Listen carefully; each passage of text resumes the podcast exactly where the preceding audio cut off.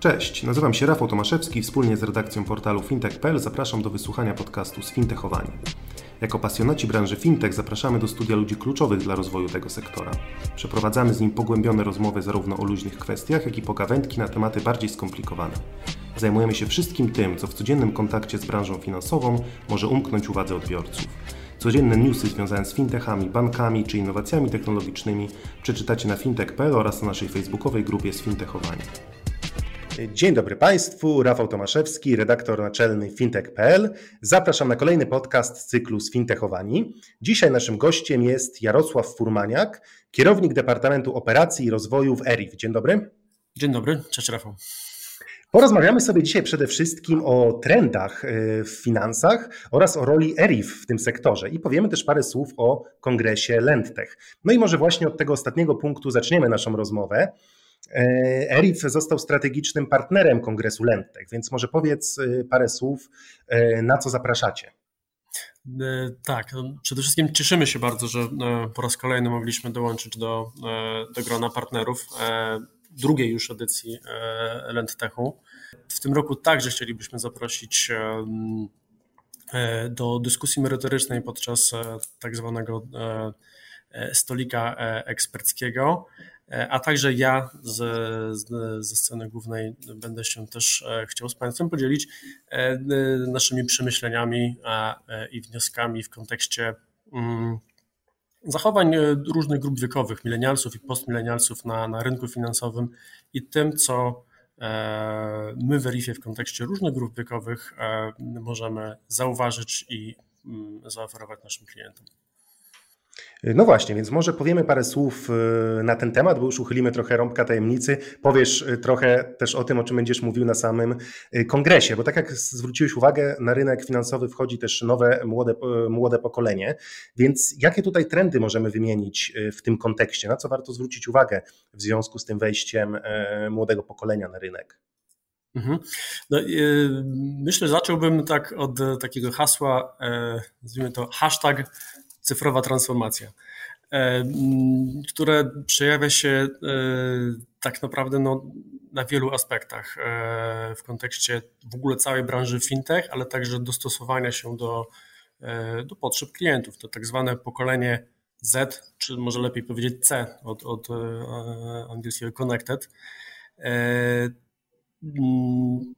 W dużo większym stopniu i łatwością niż ja, millennials, adoptuje, e, adoptuje technologie cyfrowe, co przekłada się tak naprawdę na e, w wielu aspektach na, na, na, jak popatrzymy na oferty firm z całego sektora fintech, nie tylko e, związanego z lendtechami, które jakby skoncentrowane są na pożyczaniu w różnej formie. Widzimy no, tak naprawdę globalne trendy, które budują potrzebę do tego, żeby ofertę przenosić e, i przekazywać e, cyfrowo. E, smartfon jako już tak naprawdę podstawowe urządzenie służące do tego, aby komunikować się ze światem czy, czy z internetem jest, jest, jest podstawą do tego, żeby w prosty sposób budować usługi.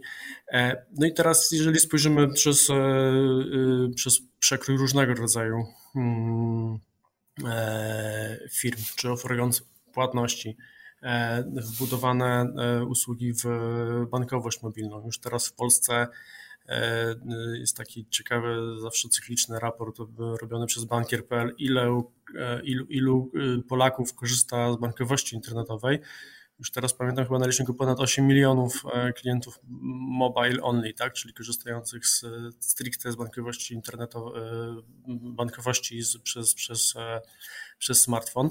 Te wszystkie jakby punkty, już patrząc przez pryzmat Polski, no, powodują, że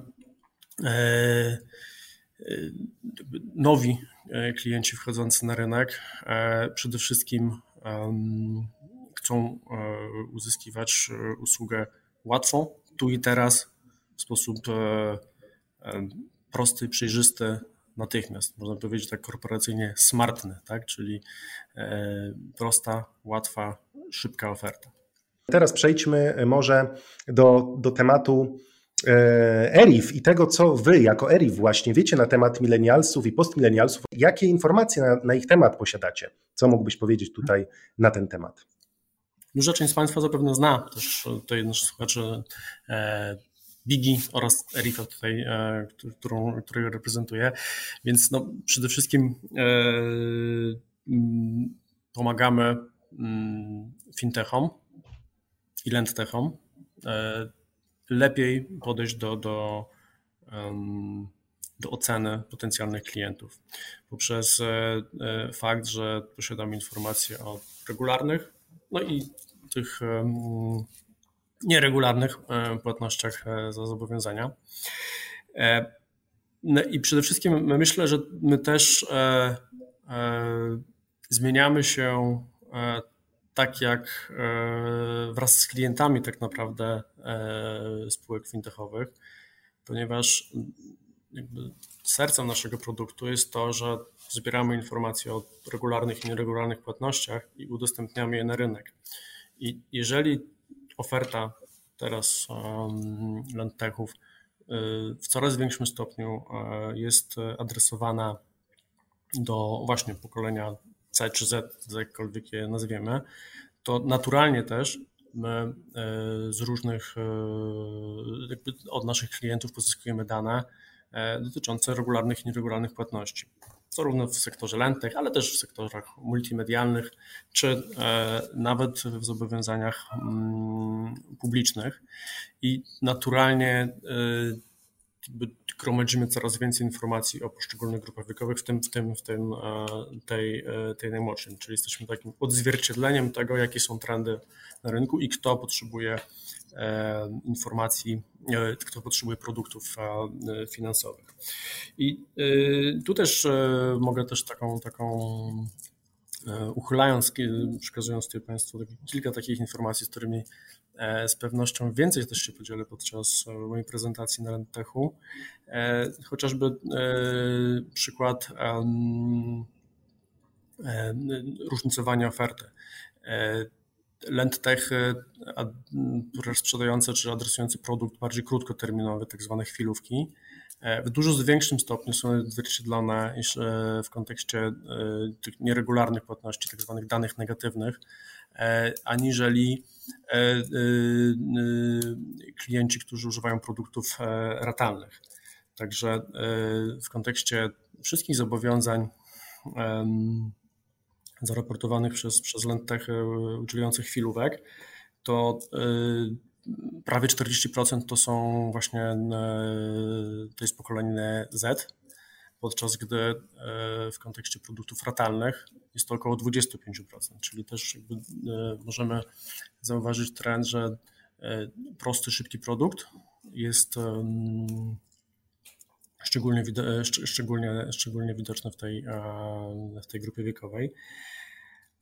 Podobnie też możemy powiedzieć o regularnych płatnościach, bo już prawie też 25% E, osób, które mamy w bazie i, i, i które są e, e, regularnymi płatnikami, chociażby za usługi telekomunikacyjne, to, to jest też młode pokolenie. A tutaj ta grupa też niejednokrotnie, mm, czy, czy nie zawsze ma jeszcze taką pełną historię kredytową. To, to jest taka grupa, która niektórzy nazywają tak zwany credit invisible, czyli, czyli y, nieposiadająca innych zobowiązań finansowych, żeby, żeby lepiej ocenić um, potencjał na spłatę. E, I my także poprzez e, mm, udostępnianie informacji o regularnych spłatach, tak zwanych informacji pozytywnych, e, na przykład za, za, za telko,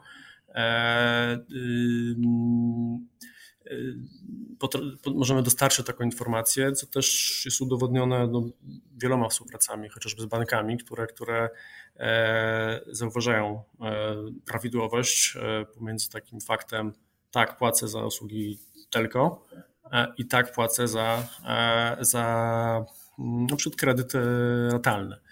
Także jakby, podsumowując, zmieniamy się, tak samo jak zmieniają się nasi klienci, którzy dostosowują ofertę do coraz młodszych grup wiekowych. Tak, ta informacja pozytywna, o której wspomniałeś, to jest też e, taki temat, o którym rzadko się wspomina w kontekście e, bików, tak? bo z reguły mówi się tutaj o tych negatywnych informacjach, o tym, że ktoś nie spłaca na przykład swojego zobowiązania, ale też wartościową informacją, równie wartościową jest to, że ktoś właśnie ją terminowo spłaca, czyli mhm. właśnie ta informacja pozytywna, o której wspomniałeś, to taki wydaje mi się aspekt często pomijany tutaj w kontekście, w kontekście bików. Dokładnie. My generalnie e, zawsze staramy się podkreślać kwestie e, e, kwestie równomiernego spojrzenia na dane. Tak? Też, też przytoczę takie hasło data is new oil, ale, ale jakby trzeba z tego oleju umieć korzystać. Także spojrzenie na dane nie tylko zero-jedynkowe, zero-jedynkowo kontekście właśnie case'ów negatywnych, ale także w kontekście regularnych płatności. E, mm, naprawdę mamy, może dać szerszy e, obrazek, e, co też mamy udowodnione we współpracy z klientami. Jako przykład też mogę podać taki, taki, taką rzecz, że jednak zauważyliśmy też, że pokolenie Z też e, trzeba zwrócić uwagę, jeśli chodzi o regularne płatności, bo mm, owszem, e, ponieważ z naszych danych też możemy zaobserwować e, zapłacone rachunki, ale odnieść je do, do, do terminu zapłaty. I porównując pokolenie Z do dużo starszych grup wiekowych, widzimy też, że ponad, ponad też 50% przewagę grupy osób, które płacą za usługę na przykład po 20 dniu od daty wymagalności. E, I tutaj jakby w tym przedziale grupa Z-ów jest e, znacznie wyższa aniżeli e, starszych grup wiekowych, czyli można powiedzieć, zdarza się zapomnieć. Teraz bardzo ciekawe jest, jak to jako, jako LendTech może zinterpretować, tak? Czyli czy rzeczywiście ten produkt nie będzie droższy, bo trzeba przypominać, czy rzeczywiście będzie się e, dobrze spłacał. My w tym też jakby możemy pomóc tak? i pomagamy naszym klientom, jak e, z różnych wymiarów spojrzeć na dane i nie odczytywać ich tylko jako proste 0,1. I myślę, że tutaj możemy postawić kropkę. Gościem podcastu fintech.pl był Jarosław Furmaniak, kierownik Departamentu Operacji i Rozwoju w ERIF. Dziękuję za rozmowę. Ja także dziękuję i do zobaczenia na Lentechu 23 września. Ja nazywam się Rafał Tomaszewski i zapraszam na kolejną audycję już wkrótce.